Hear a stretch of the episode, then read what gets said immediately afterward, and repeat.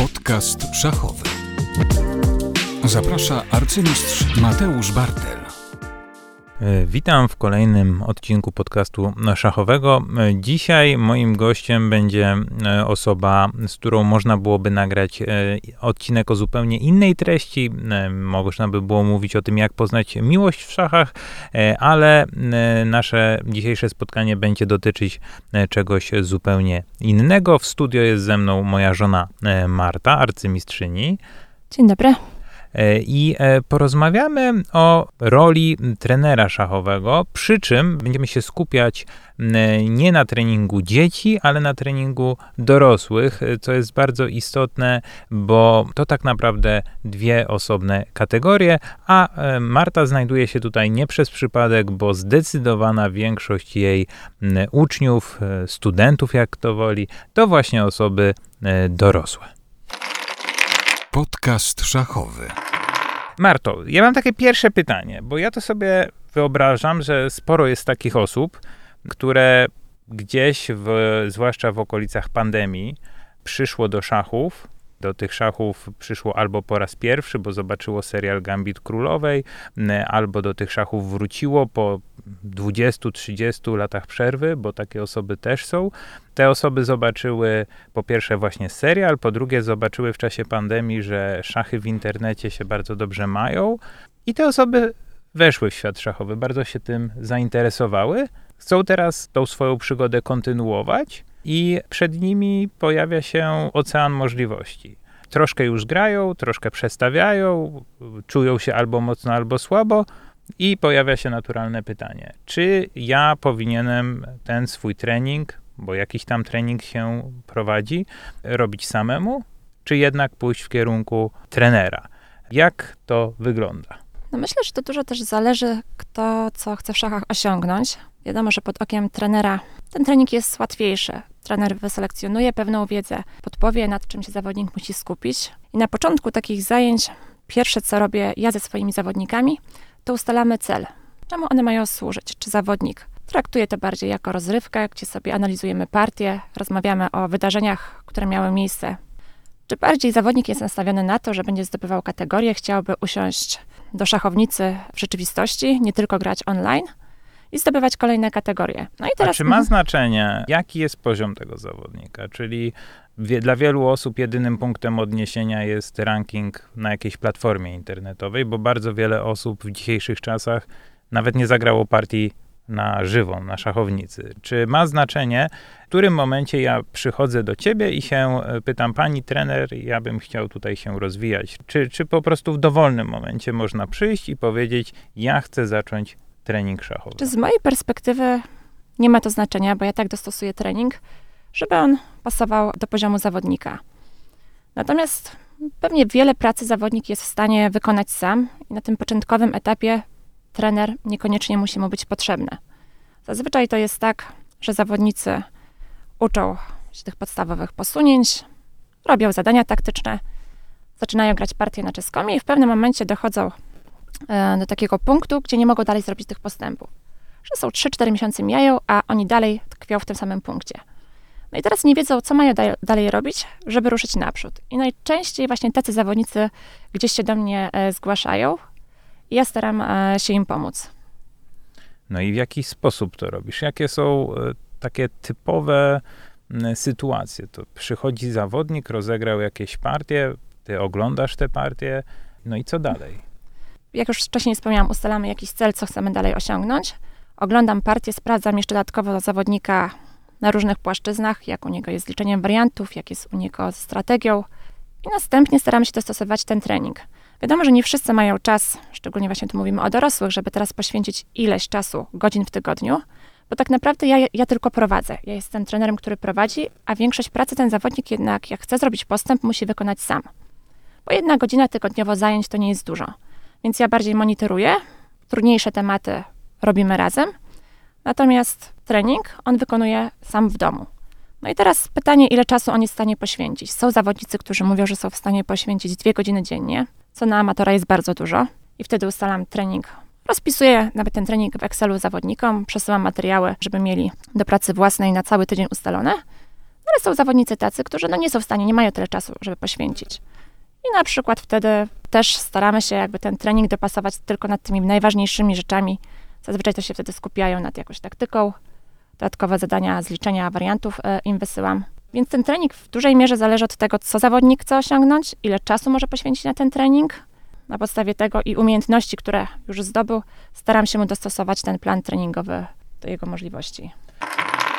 Mówimy generalnie o tych zawodnikach w wieku dorosłym, czyli ludzi, którzy traktują to jako hobby. Często, jak mamy jakieś hobby, e, to tak nie za bardzo nam się chce trenować, bardziej chce nam się grać. E, I często nawet jak ktoś zgłasza się do trenera, to potem nie za bardzo chce słuchać jego wskazówek, e, bo no chcemy się przede wszystkim bawić. I w jaki sposób ty jako trener jesteś w stanie, a może nie jesteś w stanie, e, przekonać na przykład e, pana Jana lat 50, żeby on e, zamiast oglądania meczu piłkarskiego zrobił 20 zadań szachowych, co może mu potem pomóc w tym graniu, w którym chce być lepszy, no ale nie będzie lepszy przez samo siedzenie na zajęciach z tobą. Czy wiesz co, ludzie są... I czy w ogóle o to chodzi? Czy ludzie dorośli są świadomi tego, że oni muszą wykonać trening? Więc jakby z tym to nie ma problemu. Oni się liczą z tym. Czasami piszą do mnie, zrobiłem trening, czy możesz wysłać mi kolejne zadania. Więc oni się liczą z tym, że oni ten trening e, muszą wykonać, że samo nic nie przyjdzie. Nie wiem, przykładem jest piłka nożna czy inne sporty. Też od samego grania raz w tygodniu postępów e, nie zrobisz. Jeżeli nie poćwiczysz nad szybkością, nad techniką, nie zrobisz odpowiednich e, ćwiczeń. Więc szachy można porównać do piłki nożnej. No i to działa w podobny sposób. Więc sądzę, że tutaj, jeżeli chodzi o taką motywację dodatkową, no to oni tę motywację mają i chętnie te zadania rozwiązują. No gorzej jest z czasem, bo jednak większość z nich ma rodzinę, obowiązki e, zawodowe, więc jednym zawodnikom, którzy mają tego czasu więcej, idzie to szybciej, a inni idą swoim tempem. Ale wiedzą, że tą pracę jednak muszą wykonać. A czy są takie elementy, które absolutnie mogę zrobić bez e, udziału trenera? Czyli jestem osobą, która weszła w ten świat internetu. Na tych różnych platformach jest bardzo dużo funkcji. Posłuchałem paru filmików e, w internecie, bo przecież tych filmików jest bardzo dużo. E, I czy może być tak, czy to jest pułapka, że ja wsiąknę w ten świat e, sugestii rozmaitych ekspertów. Zresztą często nie wiadomo, kto to jest ekspert, bo jeżeli ja wchodzę, nazwijmy to z ulicy i widzę kandydata na mistrza, mistrza FIDE czy mistrza międzynarodowego o jakimś tam nazwisku pro, produkującego jakieś materiały, to dla mnie, jeżeli ja zacząłem grać w szachy, on i tak jest no, super graczem i mogę słuchać jego rad, ale nie wiem, czy te rady będą dobre. Jak się w tym wszystkim odnaleźć i czy to jest tak, że właśnie to jest y, jakby dobrodziejstwo, czy raczej pułapka? Bo no, jeden rabin powie tak, drugi rabin powie tak. Ktoś powie, graj tylko takie debiuty, ktoś inny powie, graj tylko takie debiuty, a ktoś jeszcze inny powie, jakie debiuty? Ty musisz się nauczyć y, podstawowych końcówek. Y, Czy to jest tak, że można się można sobie powiedzieć, nie, trener mi nie jest potrzebny, ja, ja, ja, ja się z, tym, z tym połapię, czy właśnie e, trener może być takim nawigatorem na wzburzonym morzu, który pomoże ci odnaleźć optymalną ścieżkę, No myślę, że chyba sam już odpowiedziałeś na to pytanie. No właśnie trener ma pełnić rolę takiego przewodnika. Oczywiście teraz, kiedy dostęp do tych wszystkich materiałów jest tego całe mnóstwo, e, no to oczywiście możesz sam próbować trenować. Pewnie zajmie ci to trochę więcej czasu, bo teraz wybranie nad czym musisz trenować i skupienie się metodą prób i błędów, jesteś w stanie też wiele osiągnąć. No tylko pytanie, czy będziesz miał teraz tyle cierpliwości, żeby na przykład poświęcić pół roku, czy poświęcić rok. Trenujesz na przykład i nie widzisz postępu. No i nie wiesz, co się dzieje. Wydaje mi się, że ten trener w pewnym momencie gdzieś się powinien włączyć. No też zależy, o jakim poziomie mówimy. Sądzę, że do dwójki każdy jest w stanie dojść bez trenera. Druga kategoria szachowa, Mhm. przyznawana przez Polski Związek Szachowy za jakieś wyniki w Mhm. określonych turniejach. Tak? Jakie to ma przełożenie, tak może powiedzmy, na rankingi internetowe? Różne mam dwójki, więc jest tam spory rozrzut, więc mi tak nawet ciężko powiedzieć. Ale czy to jest bliżej 2000 na przykład Nie, na 2000 czeską, nie. czy 1600 na czeską? Jaki to jest y, poziom? Bo W to szachach szybkich pewnie około 1900 na czeskomie. Okej. Więc to jest mniej więcej plus, minus. Są zawodnicy, którzy mają dwójki, ten ranking mają około 200, ale są też tacy, którzy mają około 1500 czy 1600. Okej, czyli ogromny rozrzut, bo to też y, mówimy w sumie o różnych dyscyplinach, bo No druga tak. kategoria szachowa w szachach klasycznych to są jedne umiejętności, Dokładnie a tak. szachy błyskawiczne w internecie, To kiedy szybkie. jednocześnie jemy kanapkę i pijemy napój gazowany, mając nogi na suficie, to troszkę co innego i trzy minuty e, czasu. Ale, czyli sugerujesz, że dojście do poziomu, powiedzmy sobie, mm, 1500-1700 na czeską, czy na liczes, bo to są Wiesz co, konkurencyjne ja chyba też platformy. ja trochę nie do końca też jestem w tym obiektywna, bo mi się wydaje, że to jest łatwo, bo ja potrafię wybrać materiały, które powinno się Mhm. robić, więc wydaje mi się, ok, masz dostępny materiał, to korzystaj z niego. Tylko jak zawodnicy się zgłaszają, to nie potrafią wybrać tego materiału, z czego powinni e, skorzystać. I często im się wydaje, że oni wykonują trening, na przykład oglądając jakieś filmy na YouTubie. No właśnie, jakoś- czy jak ktoś słucha mnie na YouTubie, to czy to jest nauka, czy ty raczej mówisz, że strata czasu? E, to zależy, jak do tego podejść, bo ja trochę nazywam to takim treningiem biernym. Bo jeżeli ktoś się przygląda i ty mówisz i liczysz ty w sumie warianty za niego, bo za chwilę mówisz na to, nastąpi to i to, no to to jest taki trochę trening bierny, on się przygląda, jak ty liczysz, no i sam gdzieś to próbuje przestawiać. Natomiast nawet z takiego filmiku, jeżeli ty go prowadzisz, czy swoją partię gdzieś tam analizujesz, warto jest zatrzymać się i zastanowić, co ja bym zagrał, co ja widzę, i później porównać to z tym, co ty widzisz i o czym ty mówisz. I często jest tak, że po pierwsze te oglądanie tego filmiku nagle się wydłuża, bo filmik, który trwa pół godziny, nagle zamienia się w dwie czy trzy godziny, no ale już to zaczyna przybierać formę treningu, bo jest jakiś proces myślowy, jest jakiś proces analityczny, a nie tylko takie bierne słuchanie, jak ktoś e, mówi. Więc no to jest, to jest pierwsza rzecz, jeżeli chodzi o te filmiki na YouTubie, bo bardzo dużo czasu e, zawodnicy poświęcają. Tylko teraz zastanawiam się, na ile to się przekłada na ich poziom. Moim zdaniem nie jest Nie, nie do- jest się lepszym piłkarzem od, od oglądania sztuczek e, na meczach. Trochę tak, trochę tak.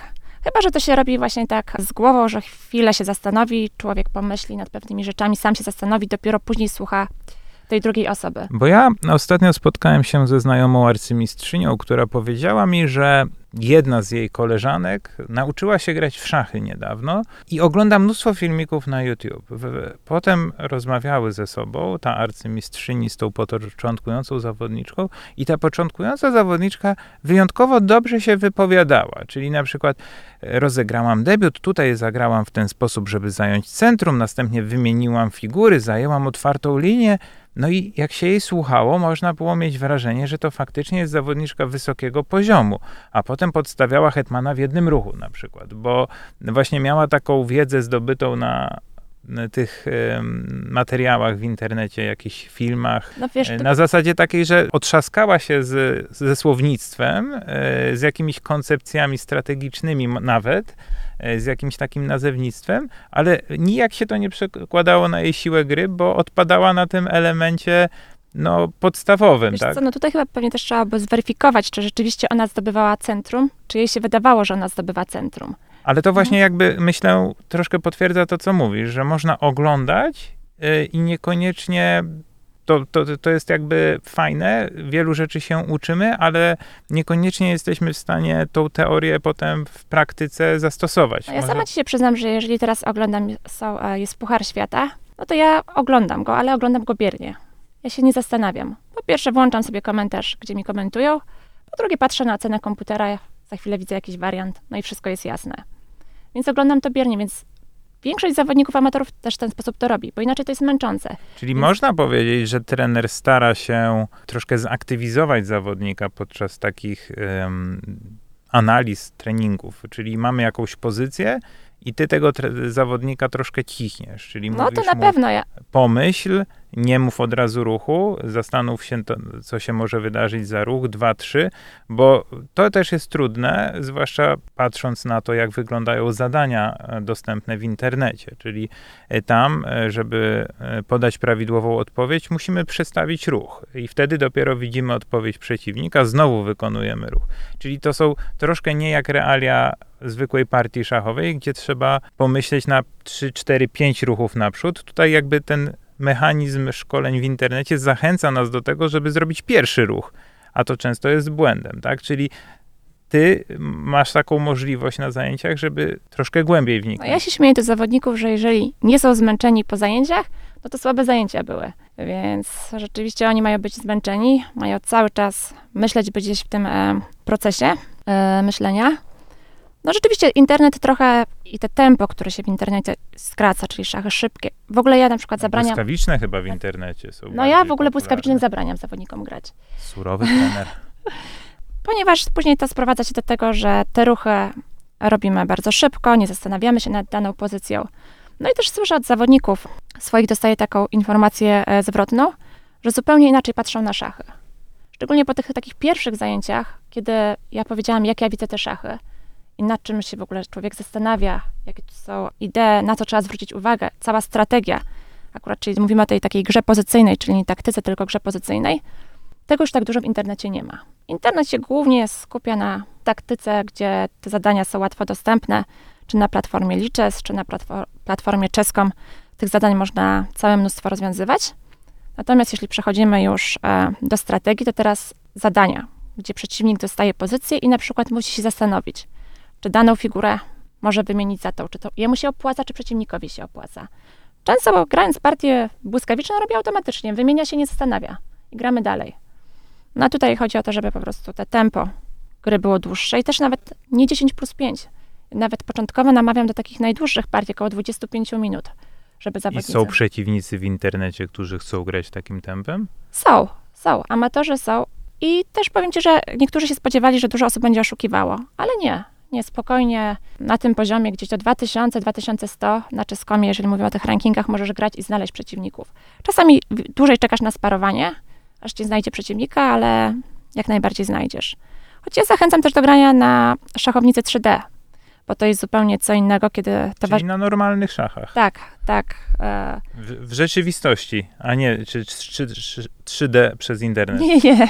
Bo też są tak, takie. nie, nie, w, w rzeczywistości, w rzeczywistości, bo te emocje, które zaczynają tutaj e, odgrywać bardzo dużą rolę, zawodnicy idąc taki pierwszy turniej są tak zestresowani, mówią jakby jak przed jakimś egzaminem byli. Siada przed nimi dziesięciolatek, oni załóżmy mają około 40 lat, no jak grać przeciwko takiemu dziecku? Dziecko robi, gra już któryś tam 20-30 turniej, ruchy robi szybko, a oni siedzą i myślą i są zestresowani.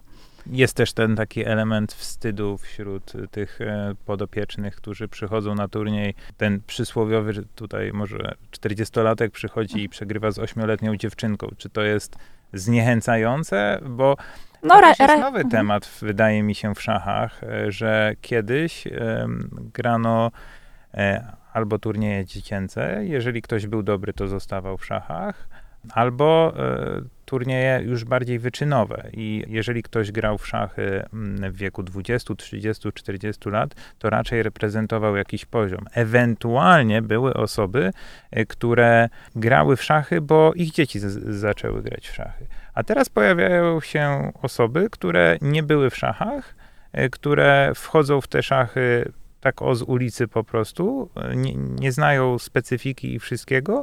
Tego wcześniej nie było, tak? I to jest taki, myślę, fenomen e, i e, warto też takie osoby właśnie popychać w kierunku tych doświadczeń, można powiedzieć, prawdziwych szachów. To już też zależy od zawodników. Są zawodnicy tacy, którzy na początku mówią, ja nie będę Marta grał z tymi dziećmi, chcę zdobyć jakiś poziom i jak najszybciej przejść przez te dzieci. Bo granie w turnieju, kiedy ty masz 40 lat, a połowa uczestników, albo nawet większa część, 80% uczestników, średnia wieku jest około 12 tam, czy 10 lat, no nie jest przyjemne. Dziwnie się czujesz. Wydawało się, że sport umysłowy to nad, dziecia- nad dziećmi powinieneś górować. A tutaj dzieciaki cię ogrywają. Nagle się okazuje, że dzieciaki szybciej liczą, widzą więcej taktyki. No i czujesz się trochę zawstydzony. Więc część zawodników nie chce przez to przechodzić, więc chce mieć to jak najszybciej za sobą. Więc na początek trenują, trenują, żeby później po- pojechać na ten jeden turniej, zdobyć piątą czy czwartą kategorię, pojechać na kolejne, zdobyć trzecią czy drugą i już nie grać z tymi najmłodszymi. Może to jest pomysł na e, niszę, e, bo są turnieje dla dzieci. Może trzeba robić e, nie uniwersytet trzeciego wieku, tylko turnieje szachowe drugiego wieku i trzeciego wieku, bo myślę, że właśnie ciekawiej jest rywalizować z osobami w podobnym przedziale wiekowym niż właśnie z dziećmi, bo też dzieci to tak naprawdę no, inny troszkę świat. Dziecko wszystko, no, to, to jest może troszkę pytanie na, na inny ym, temat, ale dzieci dużo łatwiej przeskakują te etapy. Czy to jest tylko takie moje wrażenie? Zawsze mi się wydawało, że dla dziecka przeskoczenie od poziomu absolutnie początkującego do drugiej, trzeciej kategorii to jest często kwestia kilku miesięcy. Zgadza się, na początku trenowałam z dziećmi, więc ten trening zupełnie inaczej wygląda. Dzieci wszystko chłoną jak gąbka. Natomiast jak zaczynasz trenować z dorosłym, no to już bierzesz tą osobę z pewnymi nawykami. Ale to są takie nawyki bardziej wynikające z doświadczenia życiowego? I życiowego, i szachowego. Gdzieś tam e, grali ileś czasu w internecie, teraz nie są w stanie się przestawić. E, pewne rzeczy, on, oni na przykład mają ustalony swój trening, oni chcą, żeby ten trening wyglądał w ten sposób. Ja chcę, żeby wyglądał w inny sposób, więc tutaj za chwilę musimy dojść do jakiegoś porozumienia. Co No, no właśnie, to jest dobre, dobre pytanie. Czy jeżeli ktoś przychodzi do ciebie, bo szachy to jest jego hobby, e, no i wiadomo, że e, mając e, 45 lat i trzecią kategorię mistrzem świata nie zostanie, to e, ty e, jako trener będziesz e, starała się narzucać własną wizję tego, że ja z ciebie zrobię kandydata na mistrza i chcę, żebyś ty, e, nie wiem, poświęcił życie rodzinne, e, nie wychodził do kina, nie oglądał filmów, czy e, raczej powiesz, ok, spędzamy miło, sympatycznie czas, może przy okazji zrobisz progres. Y, Co jest e, Wiesz co, ja się nauczyłam kluczem w takich Ja się nauczyłam relacjach? odpuszczać, choć na początku mi było bardzo trudno, bo jako zawodowa szachistka i mając trening i szkolenia Polskiej Akademii Szachowej e, i trenując e, z najlepszymi trenerami w Polsce, to ten trening był taki, że wszystko szło równocześnie. Że w niczym nie można było być słabym. Teoria końcówek, teoria debiutów, gra środkowa.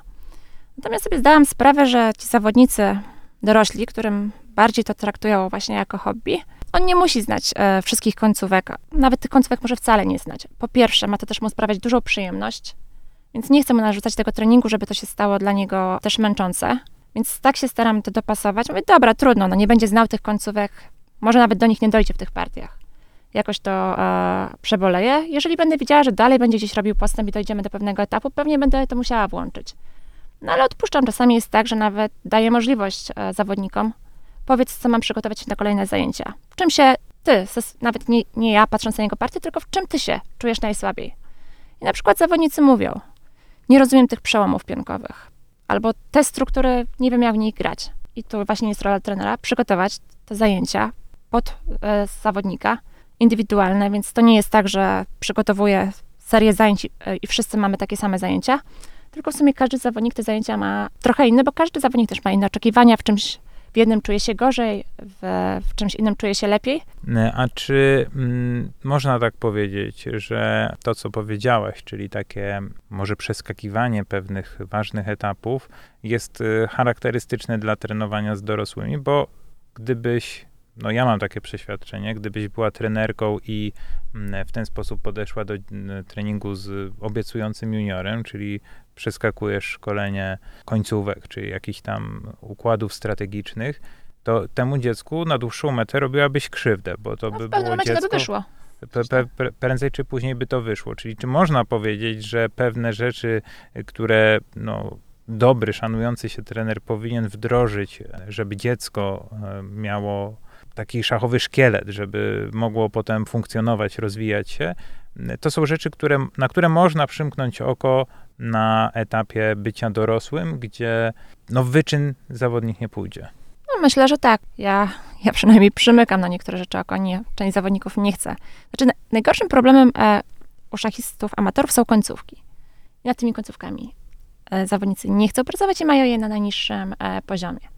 No Teraz mi się też wszyscy- tak wydaje, teraz że wszyscy chcą nad debiutami pracować. Po prostu zgłaszają się zawodnicy, którzy no, ledwo poznali tak naprawdę zasady i ruchy z mojej perspektywy i oni już chcą debiuty.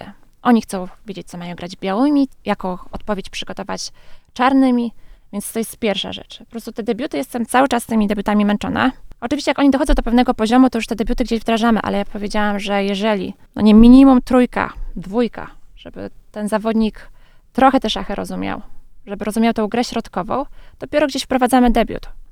Bo co z tego, że ja w tym debiucie powiem mu zagraj tak i tak, tu jest słabe pole, wykorzystaj to. Jak on nie ma pojęcia, co to jest słabe pole. Więc tutaj trzeba wcześniej wykonać dużo jakiejś innej pracy z gry środkowej, ze zrozumienia szachów, żeby było sens, żeby te debiuty wprowadzić. Bo to nie chodzi o to, żeby od 15 ruchów odklepać i po 15 ruchach nie wiemy, co się dzieje na szachownicy. Odklepaliśmy. No tylko chodzi o to, żeby ten zawodnik rozumiał te szachy. Więc ja jestem za tym, żeby tych debiutów tak wcześnie e, nie wprowadzać, ale wiem, że też zawodnicy czują komfort, jeżeli mają swój debiut, mają jakiś taki repertuar. Lubią się bardzo zawodnicy e, wymieniać swoimi spostrzeżeniami, ja gram to, ja gram to. Oni nazwy często znają lepiej ode mnie tych debiutów. To jest y, taki fenomen dzisiejszych czasów i to jest też bardzo częsty element transmisji, że e, co chwila dostaję pytania na temat y, jakiegoś specyficznego debiutu, jakiejś nazwy, nie wiem, atak czy kontr gambit Traxlera, ja nie wiedziałem co to jest. E, e, ty mówiłaś dzisiaj rano, rozmawialiśmy o jakimś wariancie Englunda. Albina. E, e, nie, Albina, kontrgambit Albina To to, jeszcze. znałem jako dziecko, ale jest szereg tych nazw, których ja w ogóle nie wiem co to jest. E, Natomiast zauważyłem, że jest taka, można powiedzieć, moda na to, żeby uczyć się nazw debiutów, jakichś takich, im bardziej oryginalna, tym fajniej. E, Tylko, że no i oczywiście uczenia samych debiutów, tak, no bo to nie tylko jest to, że nauczymy się nazwy. Zawodnicy, mam wrażenie, traktują to e, tak jak e, w innych sportach osoby wyposażające się w sprzęt, czyli no, kupujesz różne rzeczy, profesjonalne buty do, do, do biegania, zegarek do biegania, jakieś tam jeszcze oddychającą odzież, żeby, żeby czuć się tak wyczynowo. E, I tutaj mam wrażenie, że też amatorzy bardzo chętnie chcą nauczyć się debiutów, bo to tak fajnie brzmi, że ja mam repertuar, że w moim repertuarze jest kontrgambit Albina i atak Traxlera, e, albo atak smażonej wątróbki. Mm, e, I, a co jest w twoim repertuarze? Czy polecasz włączyć do repertuaru to? I z, z jednej strony, z perspektywy zawodowca, wydawało mi się to przez jakiś czas takie troszkę nawet śmieszne, bo widzę, że zawodnik często ledwo przesuwa figury, a, a, a jednocześnie dysponuje bardzo, no, można powiedzieć, specjalistyczną wiedzą. A z drugiej strony zrozumiałem, no że kurczę, może jak byłbym sam amatorem, to też bym chciał tak zrobić. Też bym chciał e, móc o sobie powiedzieć, że ja mam jakiś repertuar. E, I właśnie tu jest takie pytanie, e, gdzie jest to miejsce, żeby żeby o tym debiucie tak na serio myśleć, gdzie nawet jak zaczynamy wprowadzać debiut, no bo powiedziałeś, że w pewnym momencie wprowadzamy jakiś etap e, pogłębiania wiedzy debiutowej, e, gdzie kończyć? Bo bardzo łatwo jest, e, ja jestem wyczynowym szachistą i wiem, jak wygląda przygotowanie debiutowe. Czasami mam linie debiutowe, które się kończą po 30 paru ruchach i, e, i nadal wypadałoby znać jeszcze więcej. I tak naprawdę można przedłużać, przedłużać, przedłużać, końca tego nie ma. No ale wiadomo, że mamy swoje granice. Ja, ja jestem wyczynowcem, ja tego muszę znać dużo. E, Wiadomo, że na niższym poziomie troszkę mniej, ale po to też szykujemy debiuty, żeby czuć się w jakiejś takiej, znaleźć się w comfort zone, że idziesz na partię i ta partia jest pod jakąś twoją kontrolą, że chcesz, żeby mm, no, mieć frajdę, a nie, że przychodzisz na partię i po pięciu ruchach e, przeciwnik nie zużył czasu, już cię e, pokonuje. Gdzie jest ten moment e, właśnie taki zdroworozsądkowy e, etap podchodzenia do tych debiutów, żeby jednocześnie nie stracić życia na uczeniu się bezsensownych linii, które pojawią się w jednej partii na tysiąc na, na tym niższym poziomie, a gdzie jest e, też, też ten moment, że można żyć zupełnie bez debiutów. E, Jak to, czy, czy tego się może nie da wypośrodkować? Bo tak ciężko jest wypośrodkować. No teraz te debiuty, wszyscy nad nimi pracują, więc każdy jakiś tam debiut gdzieś ma opracowany, więc tak całkowicie bez tych debiutów to pewnie ciężko jest grać e, w turniejach. Ale nawet jak taki debiut gdzieś staramy e, się opracować, no to nie powinniśmy na pewno tych linii mieć aż tyle, skupić na jednej głównej linii. No pod warunkiem, że ona nie jest jakaś forsowna. Co innego, jeżeli forsowna, to Forsowna, czyli kolejne sekwencje są, Są wymuszone, wymuszone, tak. bo każdy inny Mhm. ruch powoduje bardzo złą pozycję. Czy ustalamy sobie ten debiut i kończymy ten debiut, gdzie ta pozycja nam się wydaje w miarę jasna do oceny i wiemy, co chcemy robić.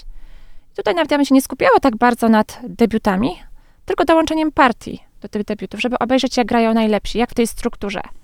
Bo to, czy pójdzie dokładnie tak ruch za ruch, to po pierwsze, to często jest, e, zawodnicy mylą D6 z E6, pola mylą, nagle im się wydaje, że czy tym pionkiem pójdzie do przodu, czy tym, to nie widzą e, różnicy. Czyli e, nie ma sensu, myślę, że to warto podkreślić, uczyć się e, debiutów na pamięć, bo wiem, że niektórzy tak robią. Mają jakieś opracowanie, biorą to jak Biblię i wkuwają od A do Z.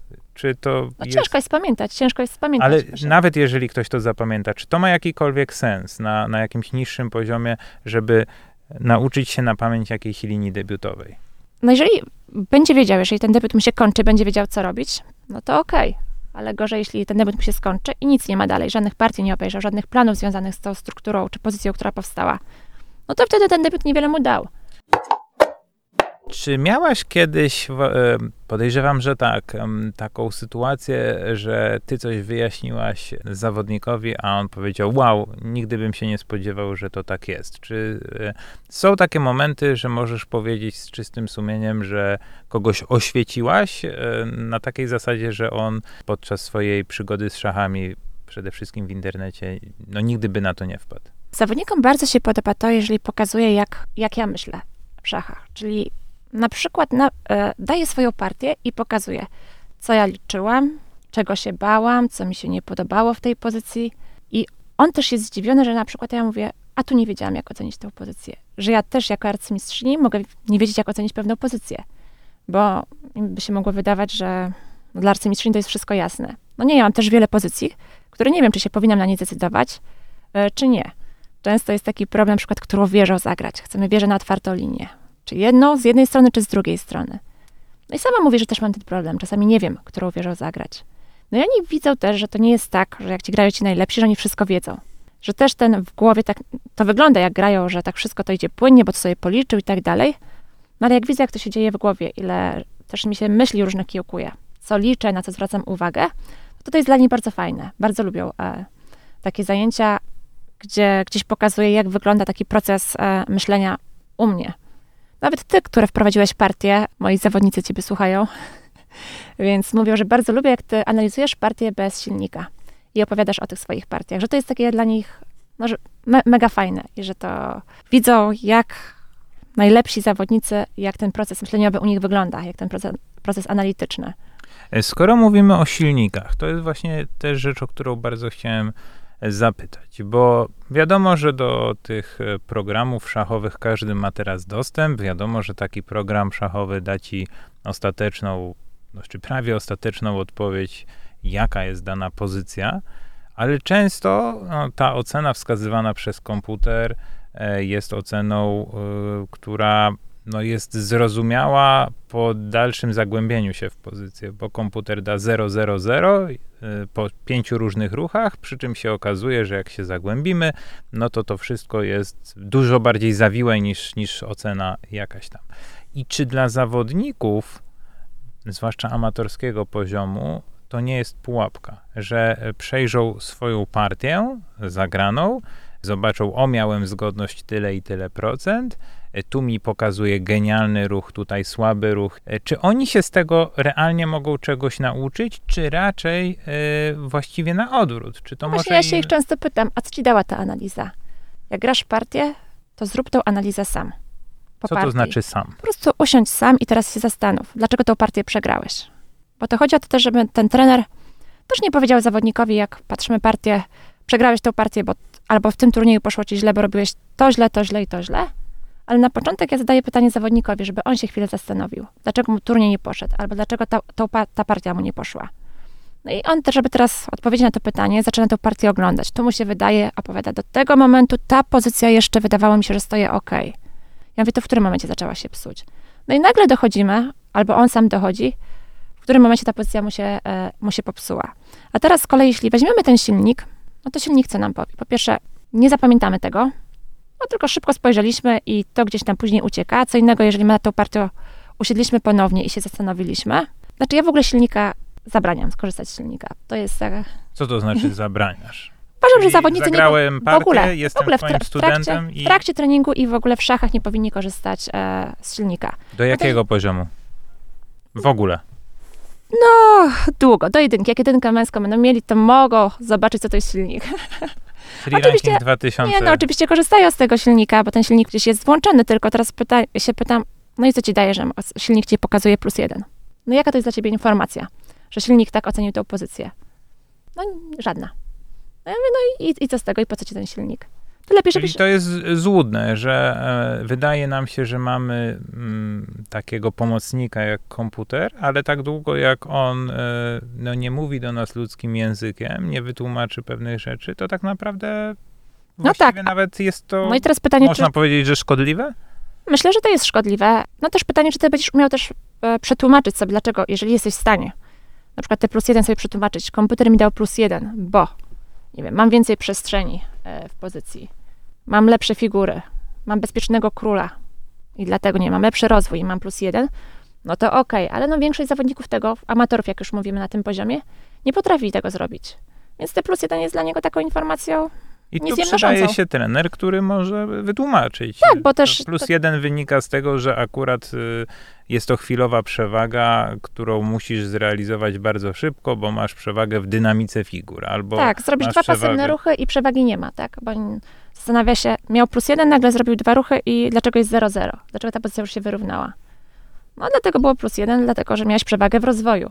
Trzeba było to wykorzystać. No albo są kon- konkretne warianty, że ta ocena komputera jest poparta jakimiś konkretnymi wariantami, których zawodnicy nie są w stanie policzyć. Więc to nic, e, znowu to nic im e, nie daje. Więc silnik, myślę, że ja się wychowałam bez silników, doszłam do tego etapu, do którego doszłam i myślę, że ci zawodnicy też w stanie są daleko z, e, zajść, ale bez silników. No i nie możemy też e, nie poruszyć e, tematu, który myślę jest trudny, po czym poznać dobrego trenera, bo trenerów na różnych serwisach można znaleźć. Oni się różnią tytułami, różnią się mm, wymaganiami finansowymi, bo te oczekiwania oczywiście mm, też e, są. Różnią się wszystkim, no, nawet językiem, w którym prowadzą zajęcia, bo w internecie można znaleźć e, no, do wyboru, do koloru jakie są elementy, które, które pomogą nam w wyborze trenera i czy to w ogóle jest, jest możliwe. Ja, patrząc na to, jak mój tata dobierał trenerów, kiedy byłem dzieckiem, to wydaje mi się, że najlepsza jest po, poczta pantoflowa, czyli dowiedzieć się, zapytać o jakieś doświadczenia, no ale jeżeli jesteśmy w realiach internetu, wchodzimy w to, e, patrzymy, że tu się ktoś oferuje i nie wiem, prowadzi transmisję, to ja do niego pójdę, no to tak naprawdę nie wiemy, gdzie się poruszamy. I, i czy są jakieś takie elementy, które pomogą nam zdecydować, czy ten trener coś nam da, czy, czy to jest Myślę, że, myślę, że to przypadek? jest, myślę, że to jest ciężko, szczególnie jeżeli nie jesteś ze środowiska szachowego i nie znasz e, tych nazwisk, no to ciężko ci jest zweryfikować poziom, poziom tego trenera, bo nie masz na podstawie czego tego zweryfikować. Więc albo, jak, jak mówisz, poczta pantoflowa i to jest całkiem fajne, przy czym ty też to jest tak, że jeden trener jednej osobie będzie pasował, drugiej nie. Bo ja myślę, że to jest fajne, żeby z tym zawodnikiem też złapać bardzo fajny kontakt. Większość zawodników, z którymi mam, naprawdę się lubimy. To nie jest tylko, że to są czysto szachowe zajęcia. Czasami po przegranej partii zadzwonią do mnie i to nie jest w ramach treningu, że to się zamienia w taką trochę inna więź zaczyna też, e, też budować. Więc po pierwsze trafić na takiego trenera, z którym się będziemy dobrze czuli i rozumieli. No i teraz, czy zweryfik- zweryfikować poziom trenera? No na pewno tytuł zawodnika, skoro zawodnik ma tytuł jakiegoś mistrza FIDE, mistrza międzynarodowego czy arcymistrza, no wiadomo, że wiedzę, wiedzę szachową na pewno ma na wysokim poziomie. No teraz pytanie, czy tą wiedzę on potrafi przekazać. Też jest taka pułapka, że często zawodnicy myślą, że jak arcymistrz to będzie najlepszy trener. Tylko tutaj trzeba wziąć pod uwagę jedną rzecz. Arcymistrz pewne etapy przeskoczy. Dla niego pewne rzeczy wydają się tak jasne, że nie będzie ich tłumaczył. Ciężko jest wybrać takiego trenera. Ja Mhm. intuicyjnie, będąc amatorem, przyznam się szczerze, bałbym się treningów z arcymistrzem. To znaczy, byłoby to dla mnie nobilitujące z punktu widzenia tego, że e, no arcymistrz to fajnie, ale e, bałbym się tego, że, że to jest jednak e, zbyt wysoko. Tak jak sobie wyobrażam na przykład pójście w... Nigdy nie, nie grałem na żadnym instrumencie. No i nagle chciałbym zacząć grać e, na gitarze na przykład. To wolałbym pójść do kogoś, kto gdzieś tam udziela lekcji, niż mieć możliwość e, z jakąś gwiazdą estrady mieć zajęcia, bo to jest jakiś mistrz w swoim fachu, który no dla którego może to nawet nie być frapujące pokazywanie jakiemuś tam e, losowemu człowiekowi pierwszych brzdęknięć na gitarze. Czy wiesz, jeżeli on ma doświadczenie i ileś tam już czasu trenuje, no to jednak doświadczenie też robi swoje. Ja też poprzez pracę z dorosłymi się wielu rzeczy też nauczyłam. Ten trening też trochę inaczej, e, inaczej e, prowadzę, staram się być bardziej elastyczna. No i myślę, że ci e, trenerzy, którzy już jakiś czas pracują, no to też doświadczenie zbierają. No, a czy może być tak, że właśnie mamy taką chęć, nie wiem, po trzech, czterech zajęciach, żeby zmieniać trenera i lepiej jednak troszkę poczekać, zobaczyć, dać sobie jakąś szansę zweryfikowania, czy my przyswoiliśmy jakąś wiedzę, czy nie. E, No bo często tak jest, że mamy trzy, cztery Wiesz co? zajęcia i tak Mhm. na przykład ty powiedziałeś, że zawodnik musi być zmęczony po zajęciach. No i jest. Boli go głowa, zwoje się Mhm. e, palą. E, No i, i, i tak jak powiedziałaś, że, że fajnie by było, żeby to była przyjemność, ale, ale jest też taki wysiłek. No i ktoś się może zniechęcić. Czy to już jest zachęta do zmiany trenera, czy No jednak wiesz, czasami pierwsze, trzeba się... Trener musi sobie zaufanie u zawodnika zbudować. To jest tak samo jak, nie wiem, wybierasz lekarz, który będzie prowadził ci dziecko. No i teraz, żeby temu lekarzowi e, dobrze się z nim czuć, to musisz mu zaufać. No i tak samo mi się wydaje, że trochę jest e, z trenerem. Czasami tego lekarza zmieniasz, no bo nie wiem, nie podoba ci się jego sposób bycia, rażą cię pewne rzeczy. Potem nie jest trenerem. Przede wszystkim on ci musi też odpowiadać jako człowiek, bo jednak sporo czasu rozmawiacie. Musicie się w miarę dobrze dogadywać. Ten trener też e, nie ma lekko, ten trener cały czas powinien zarażać energią. To nie jest tak, że na tych zajęciach ty sobie możesz usiąść. No to teraz zobaczymy partię, no to musisz też tej energii, może nie tyle co dzieciom, ale też dorosłym dawać tą energię i starać cały czas się ich zachę- zachęcać, motywować. Nawet jak im nie idzie w turniejach, no to starać się pokazać też dobre strony, jak, może co innego z tego wyciągnęli, czegoś nowego się o sobie dowiedzieli. No więc dobry kontakt to przede wszystkim jest e, złapanie e, z trenerem. No i później oczywiście, no, jak ten trening będzie wyglądał, czy oczekujesz, że się będziesz męczył, czy nie. To nie jest tak, że jeżeli ja mówię, że chcę, żeby przeciwnik był zmęczony, zawodnik był zmęczony po treningu, a na przykład zawodnik mówi mi, że miał dzisiaj ciężki dzień, jest po całym dniu pracy, no to nie będę go teraz przez godzinę męczyła jeszcze. Zrobimy jakiś sobie luźniejszy trening. Coś, co nie będzie mu sprawiało e, tyle problemów i nie będzie, nie będę od, tyle wysiłku od niego e, wymagało. Więc też chodzi, żeby ten trener po pierwsze był elastyczny, potrafił się trochę do nas dostosować, też był otwarty na nasze propozycje. No bo jak sam powiedziałeś, mistrzami już w tym wieku nie będziemy, więc chodzi o to, żeby pracować nad tym też, nad czym też dorośli chcą e, pracować. To, co oni chcą poznać w szachach, co ich najbardziej ciekawi, żeby e, przekazać. Trochę mi się wydaje jednak, że jak zawodnicy są na tym wyższym e, poziomie, to jednak te doświadczenie, które gdzieś zdobyłam jako zawodniczka, grając e, i w kadrze, i w szachach juniorskich, później w szachach seniorskich i obcując z najlepszymi, no to jest fajne, żeby wziąć też taką osobę doświadczoną, która też wie, jak grała, jako była szachistka, jako zawodnik, no ale też potrafi później to, to swoje doświadczenie przekazać e, tym zawodnikom. W internecie w wielu miejscach można znaleźć takie oferty, które no, mają cię troszkę tak skusić, troszkę naciągnąć, czyli że trener ci gwarantuje osiągnięcie pewnego poziomu, jakiegoś sukcesu, że na pewno wiem, w rok zdobędziesz 300 punktów w jakąś kategorię. Czy to nas powinno zaalarmować, czy też nie ma nic złego w takich e, ofertach, które mają skusić potencjalnych uczniów? No myślę, że chyba trenerowi ciężko jest takie coś obiecać Nie zawodnikowi. no, obiecać można, Obiecać ale, może, ale ale czy nas to dotrzyma? powinno zaalarmować? Czy to jest w ogóle wykonalne, żeby No to nie jest zakładać takie jest- rzeczy? To jest niewykonalne z tego powodu, że po pierwsze to nie trener wykonuje pracę, tylko zawodnik wykonuje pracę. Trening, trener prowadzi tego zawodnika. A cała praca, którą musi wykonać, to musi wykonać i zawodnik, i przy szachownicy potem, i tak samo na treningach. Więc to jest, to jest jedna rzecz. Te osoby dorosłe też mają przeróżne predyspozycje. Część zawodników na przykład ma duży problem w ogóle z zapamiętaniem pól, szachownicy. E, nie może się nauczyć debiutów, które nie wiem, mają sześć ruchów. W drugim ruchu potrafią non-stop się mylić. Więc e, nie znając zawodnika, ciężko coś takiego obiecać. To już jest pewnie jakaś taka, powinna nam się zapalić, e, zapalić lampka. Aczkolwiek gdzieś jakiś trening, jeżeli zawodnik mówi, że chce dojść do takiego i takiego poziomu, no to trener przygotowuje ten trening mniej więcej. Jeżeli chcesz dojść do takiego poziomu, to powinieneś mniej więcej tyle, znaczy znając oczywiście tego zawodnika, jego możliwości, tyle i tyle czasu poświęcić.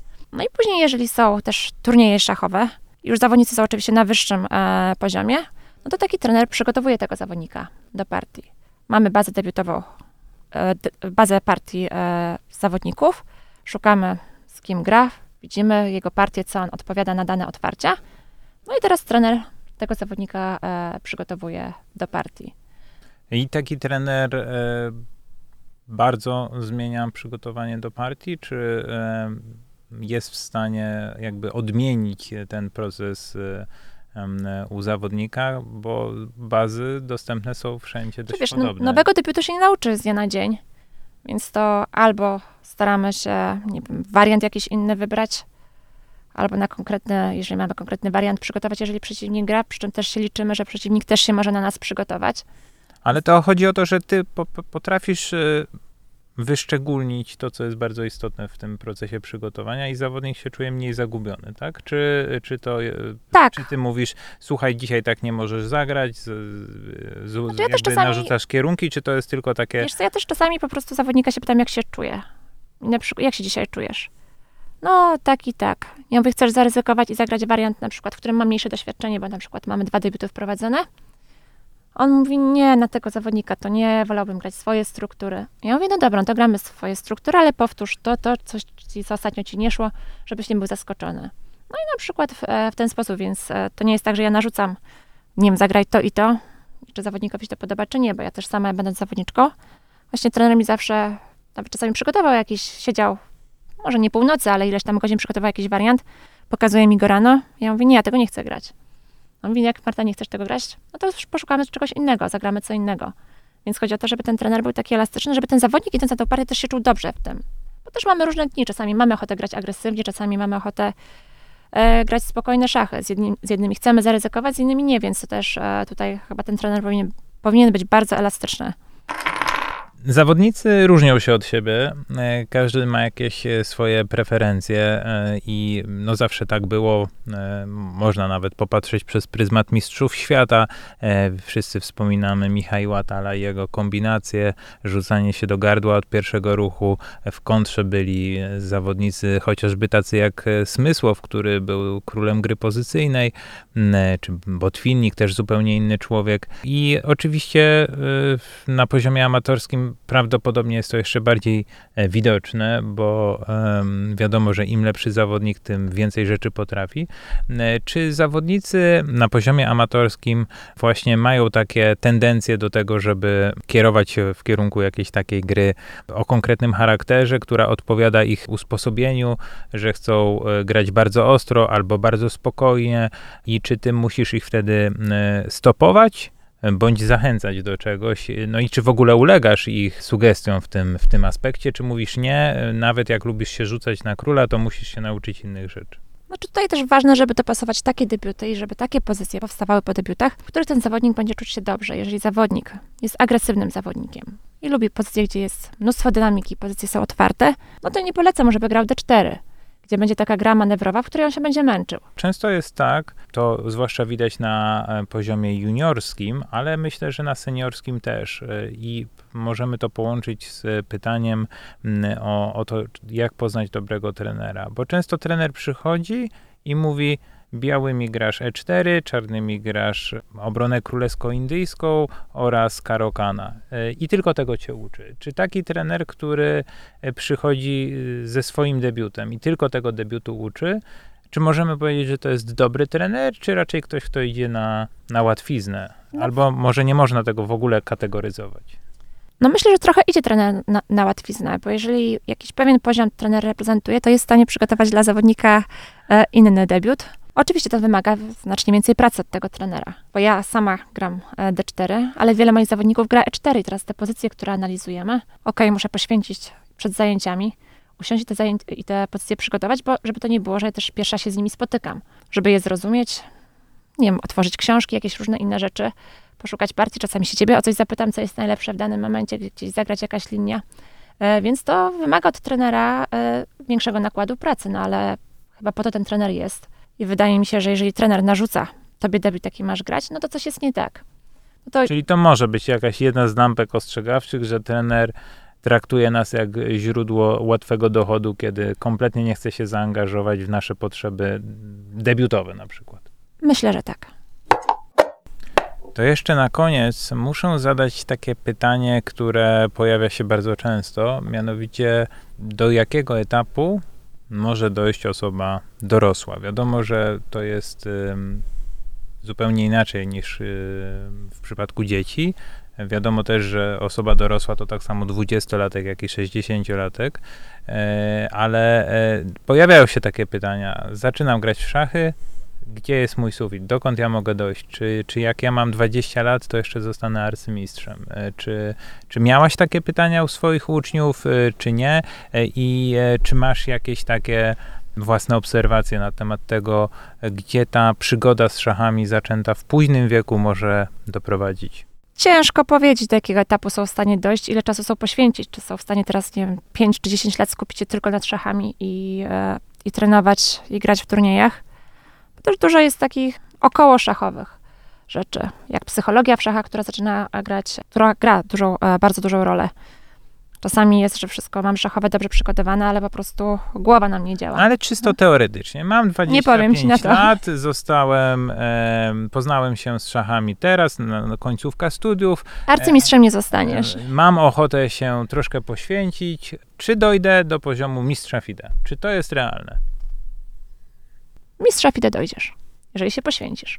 No i to już jest jakiś, jakaś budująca rzecz. Czyli kończąc e, naszą, naszą rozmowę, em, podsumowałbym to tak, że trener jest instytucją, z której warto skorzystać, bo może pomóc ci w nawigowaniu twojego treningu, ale jeżeli jesteśmy osobą dorosłą, to poza tym, e, że trener powinien służyć wiedzą, to również e, powinien być po prostu osobą, która, e, z którą mamy dobry kontakt, żeby to była również e, frajda, bo w szachach nie chodzi o to, żeby trener ci powiedział, no to jeszcze 10 kilometrów z 20 kilogramami na plecach, tylko chodzi o to, żeby, żeby to była taka Tak, ja też miałam trenerów, z którymi bardzo fajnie mi się pracowała, miałam trenerów, z którymi mniej.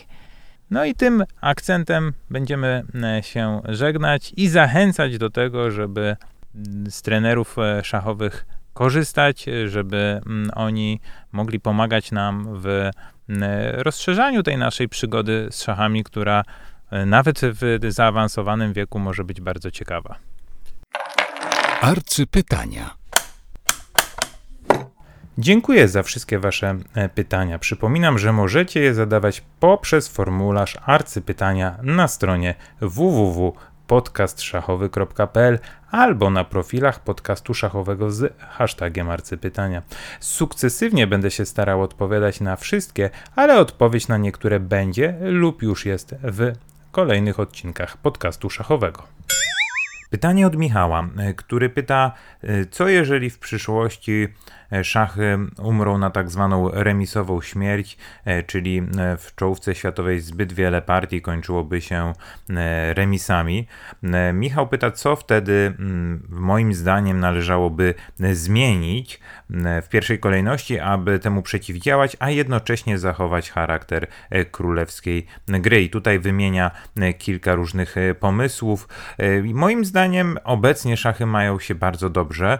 Tych remisów w czołówce jest wcale nie tak dużo. Oczywiście im większe mm, e, tempo, im dłuższe tempo do namysłu, m, tym e, tych remisów jest więcej, bo oczywiście liczba różnych wariantów, które prowadzą do remisu i e, zawodnicy z czołówki światowej o tym wiedzą, jest ogromna, ale też ostatnie lata pokazały, że można wybierać trochę takie nieortodoksalne otwarcia, które prowadzą często do ciekawej gry. M, Także m, wcale myślę, nie jesteśmy ani bliżej, ani dalej tej remisowej śmierci w ostatnich latach. E, Szachy mają się całkiem dobrze. Oczywiście to, co sugeruje Magnus Carlsen i wielu zawodników z czołówki światowej, to jest e, granie przyspieszonym tempem gry w rapidach. e, Mimo wszystko nadal tych remisów może być bardzo dużo, ale jeżeli mówimy już o szachach błyskawicznych, to oczywiście one się rządzą swoimi prawami. Przy skróconym czasie do namysłu nie ma mocnych, wszyscy popełniają błędy, także szachy zawsze można będzie rozgrywać e, tempem e, błyskawicznym i one zawsze będą ciekawe. E, Oczywiście bardzo ciekawym rozwiązaniem są szachy Fischera, czyli szachy, w których ustawienie cały czas jest symetryczne, białe i czarne stoją tak samo, ale ustawienie figur na pierwszej linii i analogicznie na ostatniej jest losowane. To prowadzi do pojedynków, w których nie ma tak naprawdę teorii debiutów, w których od początku jest e, bardzo ciekawie. E, Z jakich przyczyn? Myślę, że e, kulturowych, można powiedzieć, bo szachy wypracowały sobie przez lata taką otoczkę magii debiutów, że ludzie bardzo lubią te debiuty, one mają swoją tradycję, one mają swoją historię, one mają swoje specyficzne układy na szachownicy i ludzie po prostu to lubią. Natomiast no, szachy Fischera też się wielu osobom podobają i ja jestem jedną z tych osób, bardzo chętnie grałbym w turniejach w szachy Fischera, czy inaczej jest to nazywane szachy 960, bo dokładnie 960 sposobów jest na ustawienie figur na tej pierwszej linii na różne sposoby. Także jest to jedna z metod, które mogą pomóc w walce z, z remisową śmiercią. Na pewno jestem przeciwko rzeczom typu zwiększanie liczby pól na szachownicy, czy nowe figury, czy nowe reguły, tak jak zaproponował Kramnik, żeby grać w szachy bez roszady. To już moim zdaniem jest przesada. Natomiast oczywiście E, są to jakieś e, rzeczy, które, które chodzą po głowie rozmaitym osobom. E, kiedyś zaproponowano nawet, żeby zlikwidować w szachach pata, co ma pewne uzasadnienie, bo dlaczego przytłaczająca przewaga figur nie prowadzi do wygrania partii. Natomiast myślę, że jeżeli chcemy zachować ten charakter szachów, to lepiej przy regułach nie kombinować, lepiej właśnie iść na przykład w, w kierunku tych szachów Fischera, szachów 9-6-0. Maciej pyta e, o to, jak sobie radzić z brakiem motywacji po kolejnej i kolejnej i jeszcze kolejnej e, porażce, jak walczyć z szachowym marazmem.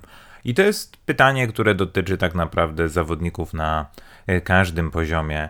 Wiele było karier zawodników czy zawodniczek, którzy bardzo się dołowali po jednej, drugiej, trzeciej porażce, skoro mówiliśmy w jednym z odcinków o rankingu, no to te spadki rankingowe też potrafiły zawodników naprawdę dobijać, bo jak człowiek wbił na jakiś wysoki ranking i nagle stracił wszystko, co miał, to się czuje bardzo, bardzo z tym źle e, traci właśnie, tak jak tutaj Maciej w pytaniu e, sugerował, motywację, jakiś taki zapał i odechciewa się troszeczkę grać. Właśnie ta paradoksalnie niezbyt istotna sprawa rankingu urasta do do rangi wielkich dramatów, bo człowiek przychodził na turniej i mówił, a 2350 mam nagle po kilku nieudanych startach, ten ranking spada o 100-200 punktów, e, no i trochę wstyd się pokazać.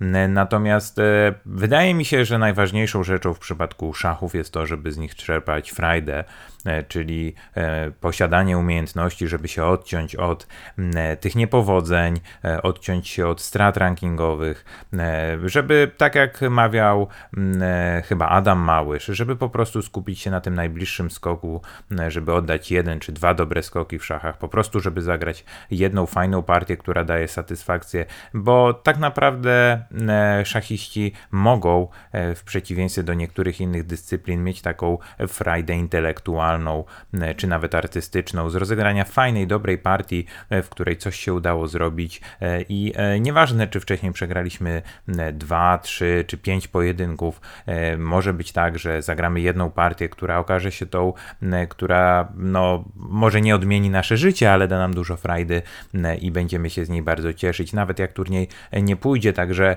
gorąco zachęcam do tego, żeby właśnie czasami, jak nie idzie, skupić się na tym, żeby z tej partii mieć frajdę, żeby y, na swoje możliwości zagrać na najwyższym poziomie, zapomnieć o tym, co było wcześniej, e, bo oczywiście e, to, to łatwo się mówi. Sam miałem w karierze wiele takich turniejów, w których kolejne niepowodzenia zabierały mi radość z gry w szachy, ale zaraz z upływem lat dochodzę do wniosku, że e, sztuką jest to, żeby szachami się ekscytować, cieszyć, żeby to była frajda i wyniki, nawet te nieudane, nie powinny nam przesłaniać tego, że to jest nasze hobby, że to jest dyscyplina, którą lubimy i każda kolejna partia, nieważne od rankingu przeciwnika, może być mm, takim bardzo sympatycznym doświadczeniem. Mateusz pyta, jak wychowywać dzieci bez przymuszania, zaznacza na szachistów, tak by miały szansę zaistnieć na przykład w top 100. Mam na myśli, kiedy zacząć z nimi naukę, kiedy powinien wejść profesjonalny trener i jaki, jak dobrać trening i tym podobne. Ja oczywiście na to pytanie nie odpowiem z bardzo prostej przyczyny, po prostu nie mam doświadczenia mm, i nie zajmuję się treningiem najmłodszych. E, Natomiast e, mogę podpowiedzieć e, taką ścieżkę, którą obrał mój tata, kiedy wszedł do szachów, a wszedł tak naprawdę, można powiedzieć, z ulicy, nie znał nikogo w środowisku. Mój tata po prostu zawsze uważał, że trzeba pytać, trzeba rozmawiać z osobami z tego środowiska, zasięgać opinii, czasami przeciwnych i potem wyciągać własne wnioski, bo jeden rabin powie tak, drugi rabin powie tak. Czasami ktoś powie, że coś jest dobre, ktoś powie coś zupełnie innego, e, no i trzeba gdzieś po środku m, potem wybrać em, to, co naszym zdaniem jest optymalne dla naszego m, dziecka. E, To, co jest jednak kluczowe, to właśnie to, żeby te szachy zawsze były dla dziecka mm, czymś, co to dziecko lubi, a nie tym, co lubi rodzic, bo mm, dużym błędem jest, kiedy mm, dzieci grają w szachy, dlatego że spełniają ambicje rodziców. Zresztą nie dotyczy to tylko i wyłącznie szachów, każdej dyscypliny, bo w szachach, przede wszystkim w szachach, e, w dyscyplinach indywidualnych, kiedy tego nie kochamy, kiedy to nie jest nasze marzenie, żeby zostać zawodnikiem najwyższego poziomu, to prędzej czy później to da o sobie znać i te lata będą stracone. Także e, podstawową e, umiejętnością, którą musimy odkryć u dziecka, jest to, żeby to dziecko po prostu kochało szachy, żeby się tym pasjonowało, żeby żyło szachami, a wtedy wszystko inne będzie przychodziło stosunkowo naturalnie. Tradycyjnie już podcast szachowy kończymy relacją z szachownicy z partii e, słuchacze kontra ja.